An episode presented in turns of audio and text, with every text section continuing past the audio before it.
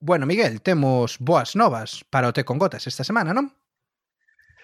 Pois sí, porque o próximo episodio que publiquemos eh, terá un son como Deus manda e eu xa deixarei de estar retransmitindo como se estivese na estación espacial rusa, porque voltarei de novo a Londres e terei un micrófono de máis calidade que, bueno, imos, imos de feito estrear novos micros. Hmm. Bueno, que conste que eu xa estou estreando porque chegou o micrófono por correo xa a principios desta eh, desta semana. Eh, este é un micrófono un poquinho mellor que o que tiñamos, que en principio debería dar mellor calidade de audio, pillar menos ruido, non, das cousas que pasan ao redor, os trens do, do, do, do apartamento de Miguel ou, ou, ou as sereas que se escoitan constantemente desde, desde o meu salón. E este micrófono puidémolo pagar grazas ao apoio de todos eses socios e esas socias que todos os meses nos fan unha, unha pequena doazón. Así que desde aquí, grazas e eh, dicirvos pois que o vos apoio serve para que podamos, pois, por exemplo, mellorar eh, o noso equipo. Se vos queredes eh, facer suscriptores, se vos queredes facer socios e socias do Te con Gotas, ide a nosa nova páxina web tecongotas.com e aí tedes toda a información sobre como axudar a manter a manter este podcast. Pois non sabemos se vos fará moi felices ou non o feito de que teñamos uns novos micros, pero hoxe imos falar de saúde mental no Reino Unido. Dentro intro. Think about Brexit. What, what's that? Like? Order! The nose to the left, 432. With the light, with the music, very welcome everybody here. A Brexit question in English, if you don't mind. Bueno, no, hombre, no vamos a hacer. Venga, adelante. ¿Quiere usted hacer el puñetero favor de largarse de aquí y de... No va usted a hacer nada ya. Would you like a cup of tea? Yeah, sure. Go on, have a cup of tea. Thank you, thank you. Este mes, e máis concretamente a semana pasada, é o mes da concienciación sobre a saúde mental. E este é un tema do que Duarte e eu sempre falamos porque nos chamaba a atención que no Reino Unido hai moito debate sobre sobre saúde mental, é algo que se escoita na política, que se escoita nos debates parlamentarios e que se ve tamén no mundo da empresa. E en comparación con España, onde é algo prácticamente invisible, pois sempre nos chamou a atención ata que punto aquí había menos estigmas e se falaba máis abertamente de problemas de saúde mental. Hmm.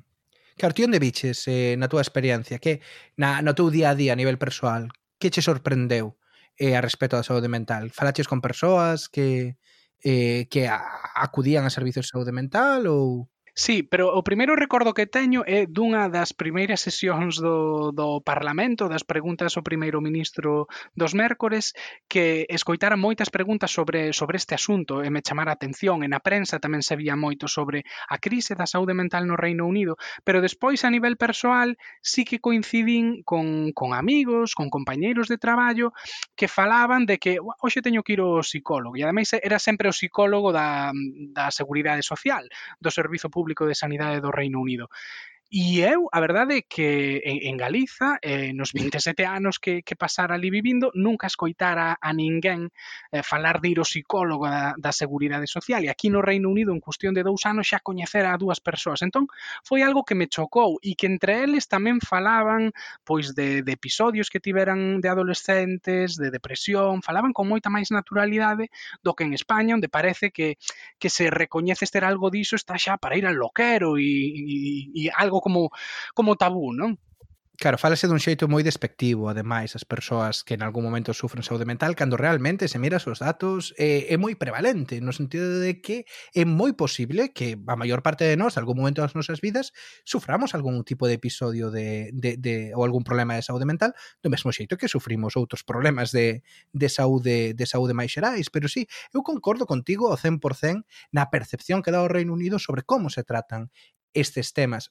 E unha das cousas que a mí máis me chocou é a nivel de empresa. Pois, por exemplo, cando comecei a traballar no, eh, no Telegraph, que é a organización máis grande na que traballei, non? Toda, toda a miña carreira. Entón, ao ver máis ser unha empresa máis grande, tamén se presta máis a ter este tipo de este tipo de programas. Pero, por exemplo, eh, na primeira semana de concienciación da saúde mental que, que recordo, eh, pois era interesante porque había charlas de todo tipo, traían a, a executivos ou a xente importante na empresa ou noutras empresas, pois a contar como eles lidiaron con problemas de saúde mental e a naturalizalo, non? De, de, de no, no no sentido de, de transmitir a idea de que algo que lle pode que lle pode pasar a calquera e a maiores hai un programa pois para, para darlle formación á xente para que sexan capaces de identificar eh, pois problemas de, de saúde mental en compañeiros ou, ou en si ou en si mesmos. É algo que alá, pois home, nunca traballei nunha organización do tamaño do, do Telégrafo en Galicia, pero tampouco é algo que escoites habitualmente, non? Ni sequera en xente que traballa en organizacións máis grandes. Sí, sí, a verdade é que eu tampouco. Eh, e, e a verdade é que é o que distí, é algo que está aí, eh, pero que do que parece parece que non existe porque non se fala. Eh, e precisamente documentándonos algo para este programa, atopei unha enquisa de Mind, que é unha charity centrada en temas de, de saúde mental aquí no Reino Unido, que tiña fixera unha, unha enquisa, eh, dicía que un 20, 20 eh, de cada 100 persoas, é dicir, un 20% da xente aquí no Reino Unido tivo algunha vez na súa vida pensamento intentos suicidas. Eh, case un sete de cada 100 persoas tiveron algún intento de, de cometer suicidio e máis de sete de cada, de cada 100 persoas eh, autodanáronse de, de alguna forma, autolesionáronse. Claro, mm. son cifras que cando cando as ves así eh, chaman a atención e parece que están falando dun mundo que non é no que nos vivimos, porque non é algo que estea no, no noso día a día, pero realmente existe, os datos amosan que existe. Pois para falar deste tema, como é algo que eu creo que a Miguel e a min se nos queda un pouquiño eh, grande, imos falar cunha voz, cunha voz experta. Hoxe temos connosco a Violeta Pérez Rodríguez, que é unha coruñesa que traballa como psiquiatra infantil eh, nun hospital aquí eh, aquí en Tuti, moi cerquiña de onde de onde se grava o Te con Gotas en, eh, en Streatham. Eh, Violeta estudou medicina na, na USC, ten un máster de terapia familiar aplicada a saúde mental e fixo a súa residencia en Barcelona. Desde Bar eh, estando en Barcelona fixo unha pequena residencia duns meses aquí no Reino Unido e a partir de 2019 mudouse de xeito definitivo eh, a Londres para traballar eh, neste hospital. Hola Violeta, que tal? Hola, moi ben. Grazas por convidarme. Encantada de estar aquí. Nada, gracias a ti. Eh, este é un programa que tiñamos desde hai tempo moitas ganas de facer, porque unha cousa que creo que a calquera persoa que veña desde Galiza ao Reino Unido, unha das cousas que chama a atención é como se trata a saúde mental eh, neste país, vindo eh, dun sitio no cal hai moito estigma ou unha persoa que vai ao psicólogo ou psiquiatra é casi tratado pois como, como un raro, como un tolo, vir aquí e ver que a saúde mental está moito no debate público ou que xoga un papel importante nas, eh, nas empresas e que algo do que se fala con frecuencia é algo que tanto a Miguel como a mí nos chamou eh, moito a atención. E ti crees que hai que é verdade esta impresión que nos temos, que hai máis estigma alá no Estado español que no Reino Unido? Bueno, sí, eu estou totalmente de acordo. Eu tamén tiven esa, esa impresión cando viñen para aquí por primeira vez. Eh, creo que é eh, algo que está moi presente nos medios de comunicación, que está mm, bueno, moi presente en calquera empresa na que vas traballar, pois teñen un programa para apoiar a saúde mental dos traballadores, eh, nos colexios, nas aulas, hai moitísima educación ao respecto. E, por suposto, é eh, maravilloso o traballo que fan para, para loitar contra o estigma, pero tamén creo que ten os seus danos colaterais.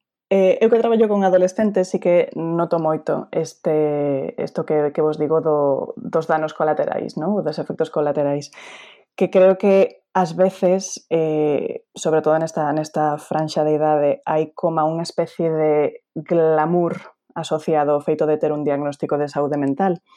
E, e bueno, parece que entre algún colectivo adolescente pois é como cool eh, ter ansiedade ou ter ideación suicida ou estar deprimido. Hai como un certo componente de glamour, de misterio, que ven evidentemente co, co, coa boa labor que están facendo por, por loitar contra o estigma, pero bueno, que tamén é algo a ter en conta.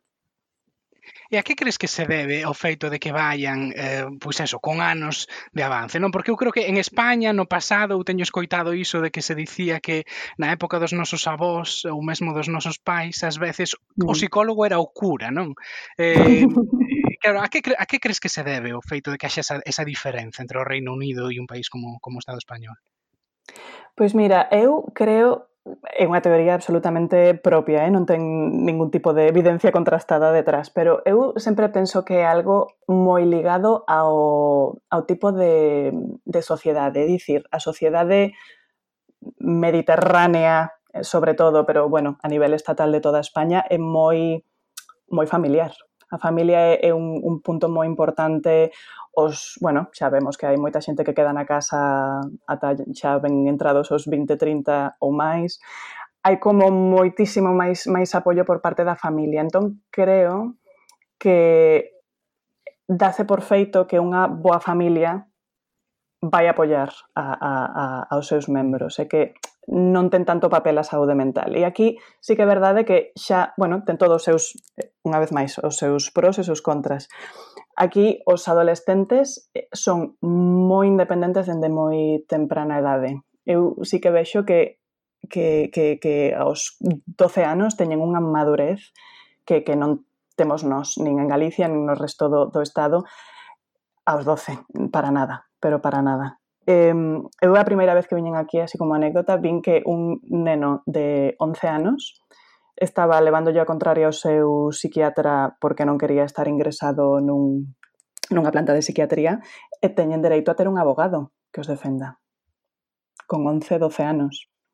Entón, eh, son, eh, eh, este tipo de independencia creo que tamén pola outra banda, pois ten a súa contrapartida de estar un poquinho máis, bueno, pois máis solo ante a adversidade. Entón, eu creo que hai moitas dificultades de saúde mental que, que emerxen desa, desa soidade un pouco. É unha teoría, xa vos digo, absolutamente miña, pero é o que se me, é o que se me ocorre neste nivel.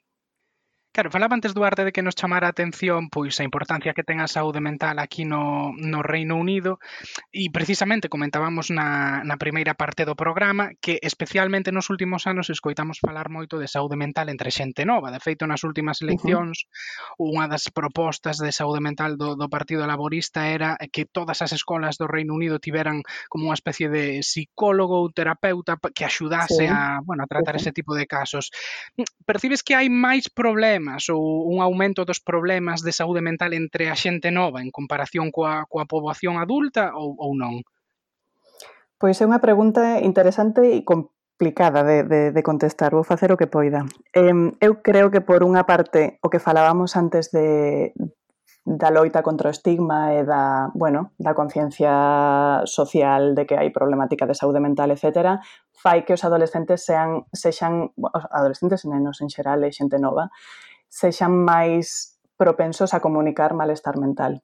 Eu creo que teñen máis facilidade precisamente porque teñen menos estigma asociado, teñen máis facilidade para comunicalo e, polo tanto, para pedir axuda que, por exemplo, a xeración dos nosos pais.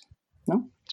Pero, por outra banda, tamén é verdade que cando pensas na cantidade de presión que a que están, a que están sometidos todos os, os nenos, nenas e adolescentes en xeral é brutal, porque eh, viven rodeados de redes sociais na que, nas que aparece un modelo de vida absolutamente ir, bueno, inalcanzable e irreal que crea unhas expectativas que nunca van poder alcanzar. ¿no? E, ti como adulto sempre sabes que, que, que é algo que non é que non é verídico, pero nesas idades tan vulnerables, pois eu creo que son un poquinho máis susceptibles a que, a que pensen que esa é a vida que deberían ter e que non teñen. E iso xa é un estrés, unha frustración, é unha insatisfacción. Entón, bueno, non só iso, eh, a, a estructura social, a competitividade do mercado laboral, eh, do pro, dos programas académicos, cada vez necesitan ter mellores resultados, ser, mm, pois ter máis másters, máis doutorandos, máis este tipo de cousas creo que todo suma, que non é simplemente un, unha, un bueno, non hai un, un único motivo que explique eh, esta incidencia de máis diagnósticos, non sei se máis dificultades a nivel de saúde mental, pero sí que é verdade que se está diagnosticando máis, pero iso pode ser un, un bo sinal de que estamos facendo as cousas ben tamén, claro. Claro, moi interesante eso. E entrando xa máis no detalle, que tipo de problemas son os máis frecuentes entre este esta poboación máis máis nova. Que te atopas ti no día a día no traballo? Pois mira, eu para, para aclararvos un pouquiño, eh, traballo con xente entre con, con adolescentes entre 13 e 18 anos. Cando cumplen os 18, van para outro sitio. E traballo nunha unidade de, de hospitalización. É dicir, que os casos que eu vexo non son os mesmos que ve unha persoa nunha consulta que van ali a consultar e despois volven para a súa casa. Eu vexo a xente que non pode estar na súa casa e que ten que estar ingresado. Entón, o tipo de trastornos que vexo eu pois son distintos. Vexo moitos episodios psicóticos, moitos episodios psicóticos secundarios a consumo de, de cannabis, de marihuana. Vexo algún episodio maníaco, pero non moitos. Vexo moitísima, moitísima ideación suicida. Eu diría que no meu contexto é o máis prevalente. A xente que ten, que ten pensamentos de querer mm, acabar coa súa vida e acaba pois ingresado porque porque o intentaron e non o conseguiron ou porque hai moito risco de que o fagan. Isto no meu ámbito. Despois, nun ámbito máis ambulatorio, eh, unha vez máis en adolescentes, eu diría que máis a nivel dificultades a nivel de ansiedade e dificultades a nivel de ánimo baixo, pois de depresión ou de, bueno, de, de, de ter o ánimo máis baixo. En nenos, eh, a miña experiencia é que o que máis se ve é hiperactividade e trastornos de conducta. Bueno, típico neno que, que, que, bueno, que se porta mal na clase e o profesor pois avisa aos pais e deciden facer unha derivación á saúde mental para ver que está ocorrendo. Claro, porque cando, cando falas destes casos e se fala en xeral de saúde mental, eu creo que hai sempre bastante confusión, comezando por sí. min, entre entre o traballo que desempeña o psicólogo e o psiquiatra, non? Que serían, por así uh -huh. dicir, os dous roles eh, que están nese mundo. Cando sí. se vai a un psicólogo e cando se vai a un psiquiatra? Pois tamén pregunta interesante. A diferencia principal é que eh, para ser psiquiatra ti tens que facer medicina primeiro, e para ser psicólogo ti tes que facer psicoloxía. Entón a carreira da que ves é diferente. Eh, para ser psiquiatra o que faz eh, que o que fixen eu é facer medicina, despois presentarte o exame MIR a nivel nacional e facer a especialidade que son en España son en, España no estado son 4 anos. Eh, e ali non existe a especialidade de infanto juvenil, pero noutros sitios sí. Entón, ti faz psiquiatría xeral.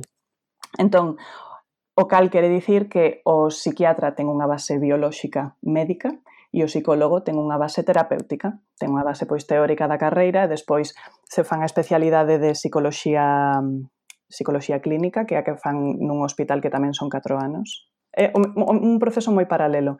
Eles fan psicoterapia, pero un psiquiatra pode prescribir. É dicir, o psicólogo faría terapia falando e o psiquiatra faría a terapia medicando. Que pasa? Que hai moitos psiquiatras, por exemplo, no meu caso, que tamén están interesados en facer psicoterapia e buscan esa formación. Entón, nese sentido, o rol do psicólogo e o rol do psiquiatra podese solapar un pouco, pero evidentemente os especialistas en terapia son os psicólogos, non, non os psiquiatras, inda que nós tamén podemos facer aí os nosos pinitos nese sentido. E, e desde o punto de vista do paciente, ca, cando se decide que un paciente precisa ir a un psiquiatra e cando pois é o psicólogo sería sería a solución? Pois mira, depende sempre en saúde mental na maioría dos casos da gravidade dos síntomas. Entón, se os síntomas están nun punto no que están interferindo tantísimo coa calidade de vida da persoa que que non pode moverse da cama para falar cunha persoa e facer terapia, que non que ten o, o pensamento está tan ralentizado que non podería nin sequera seguir unha conversa. Esas cousas que dificultan unha, unha terapia psicotera, psicoterapéutica, unha terapia falada, empezaríase empregando medicación para que a persoa poida chegar a ese punto de poder facer unha terapia. E despois sí que é verdade que algúns trastornos, por exemplo, un episodio psicótico no que a persoa está escoitando voces eh, e ten pois unha ideación delirante pensando que alguén lle quere facer mal, que hai un complot contra el ou contra ela.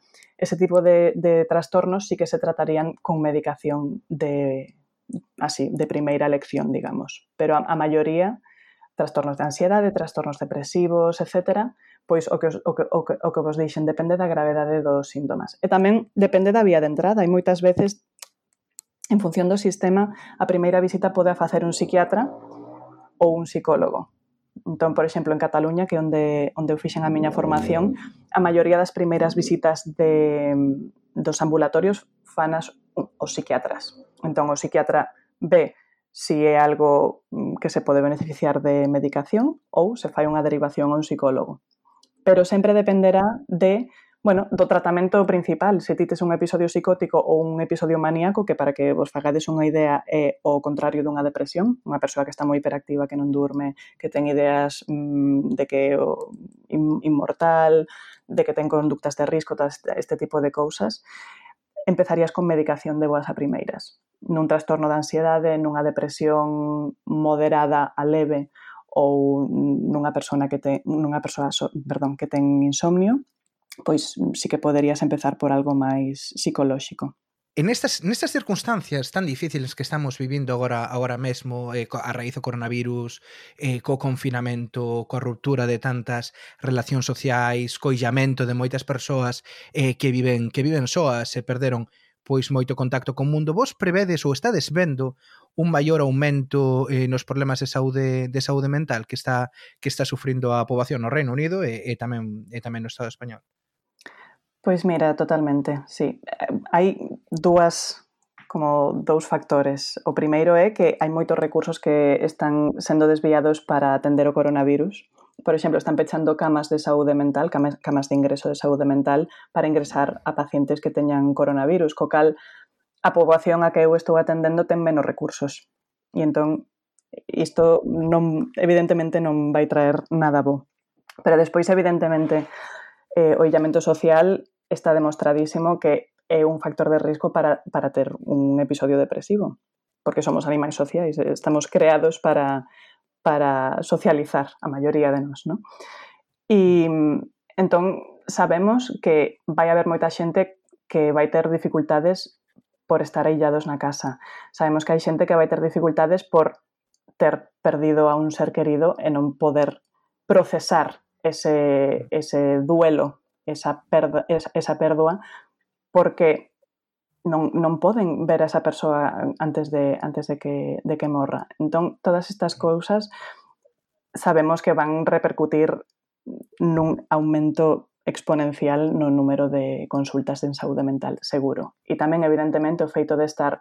Falo unha vez máis da miña poboación, dos, dos meus mm. adolescentes O feito de estar pechados na casa cunha familia que moitas veces é a causa do que lles está a ocorrer, eh, claro. pois porque hai un patrón de violencia doméstica, porque hai abuso, porque hai agresividade, porque hai caos, todo iso non, non vai repercutir dunha maneira positiva para nada. E sí que estamos, eh, pre, bueno, todos os estudos e todos os expertos están prevendo unha, o que lle chaman a, a pandemia escondida, mm. que pois todas estas dificultades contextuais por unha situación que, que é moi estresante que todos e todas estamos notando eh, que, que, que é moi complicado eh, lidiar con isto en xente vulnerable vai ser bastante bastante complexo.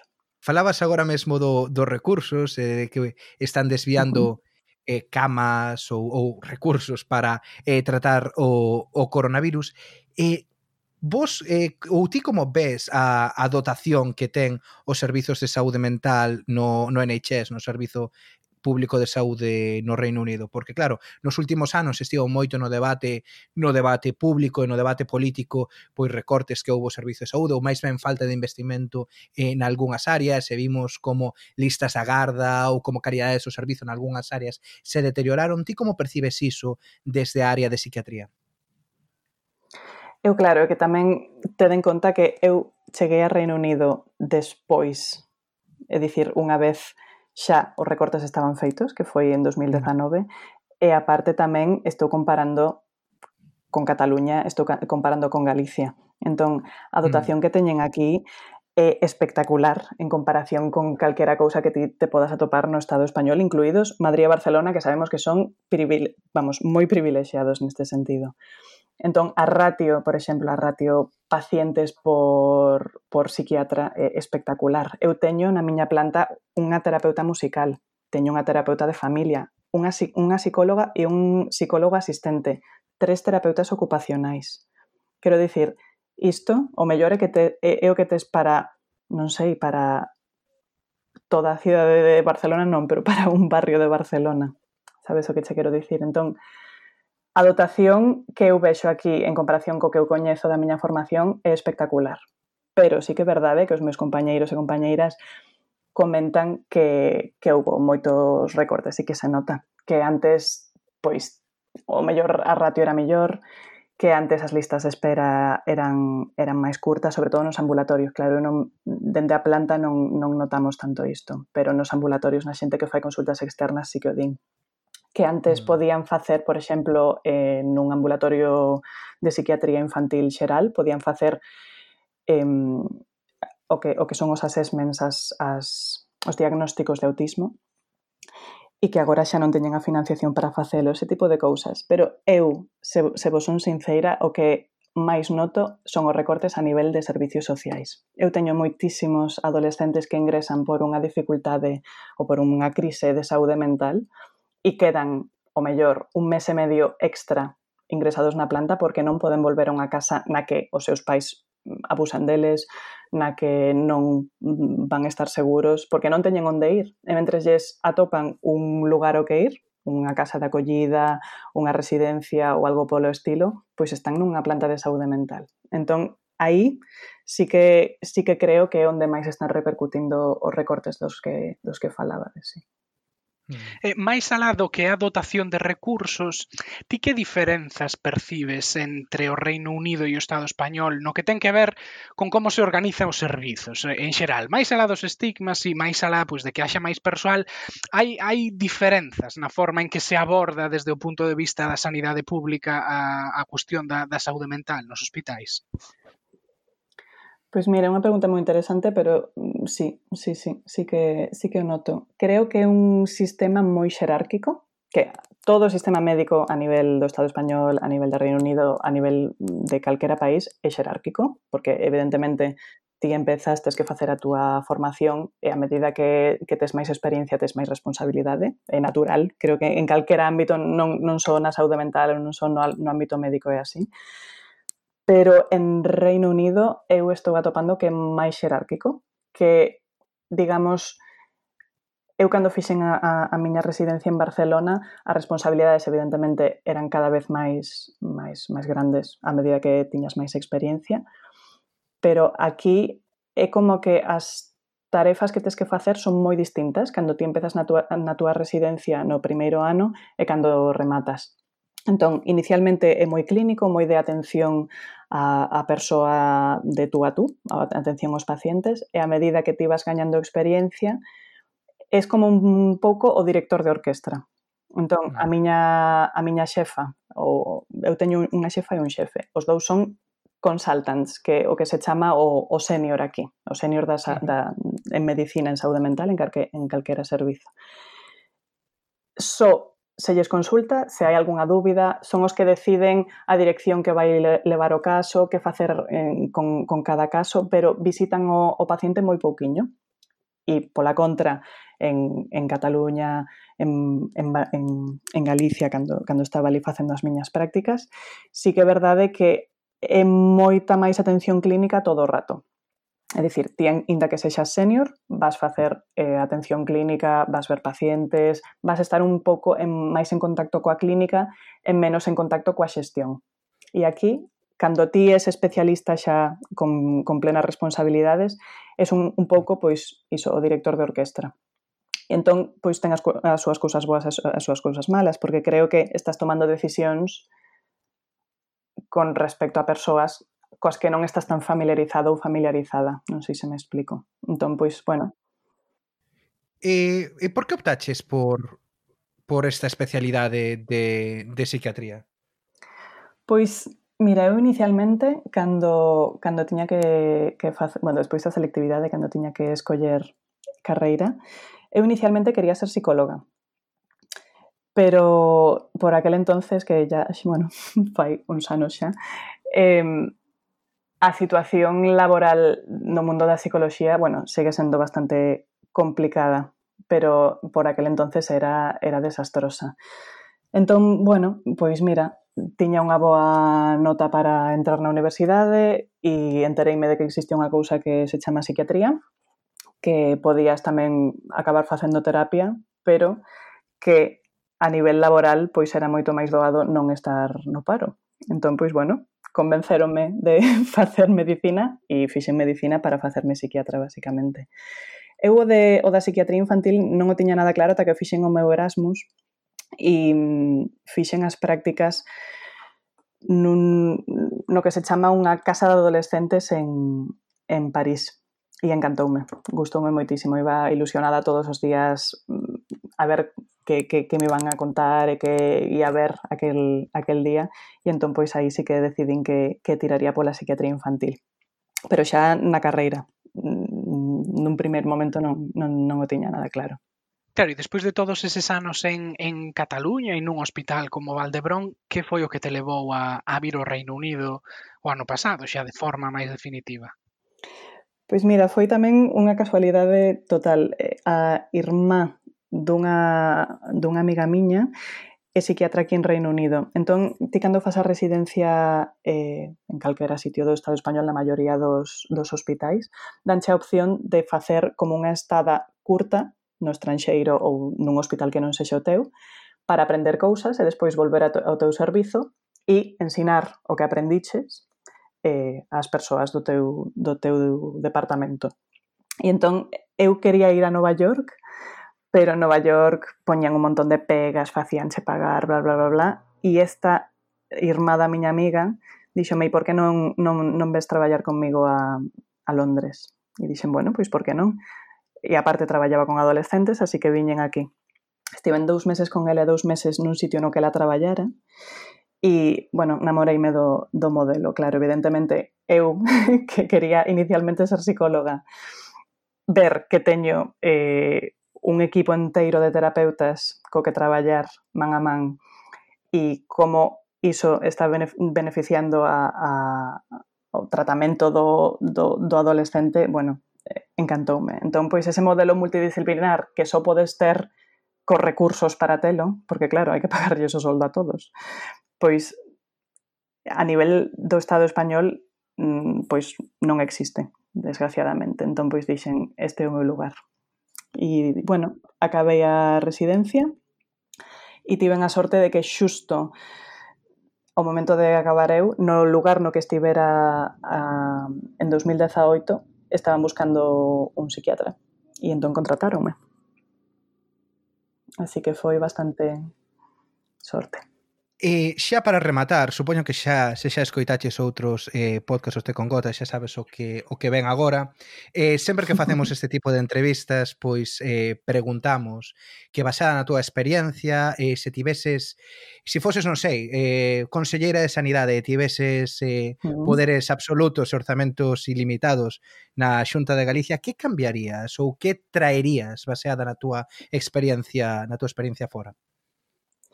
pois bueno, evidentemente eu vou tirar para casa e vou defender a prevención. A min o que, o que máis me gusta de traballar con adolescentes é que podes pre previr que pasen cousas ou previr que, apare que apareza un trastorno mental xa bastante bastante enraizado na persoa e entón eu creo que é un investimento que todo mundo debería ter en conta que é a idade clave na que as, na que as cousas poden cambiar.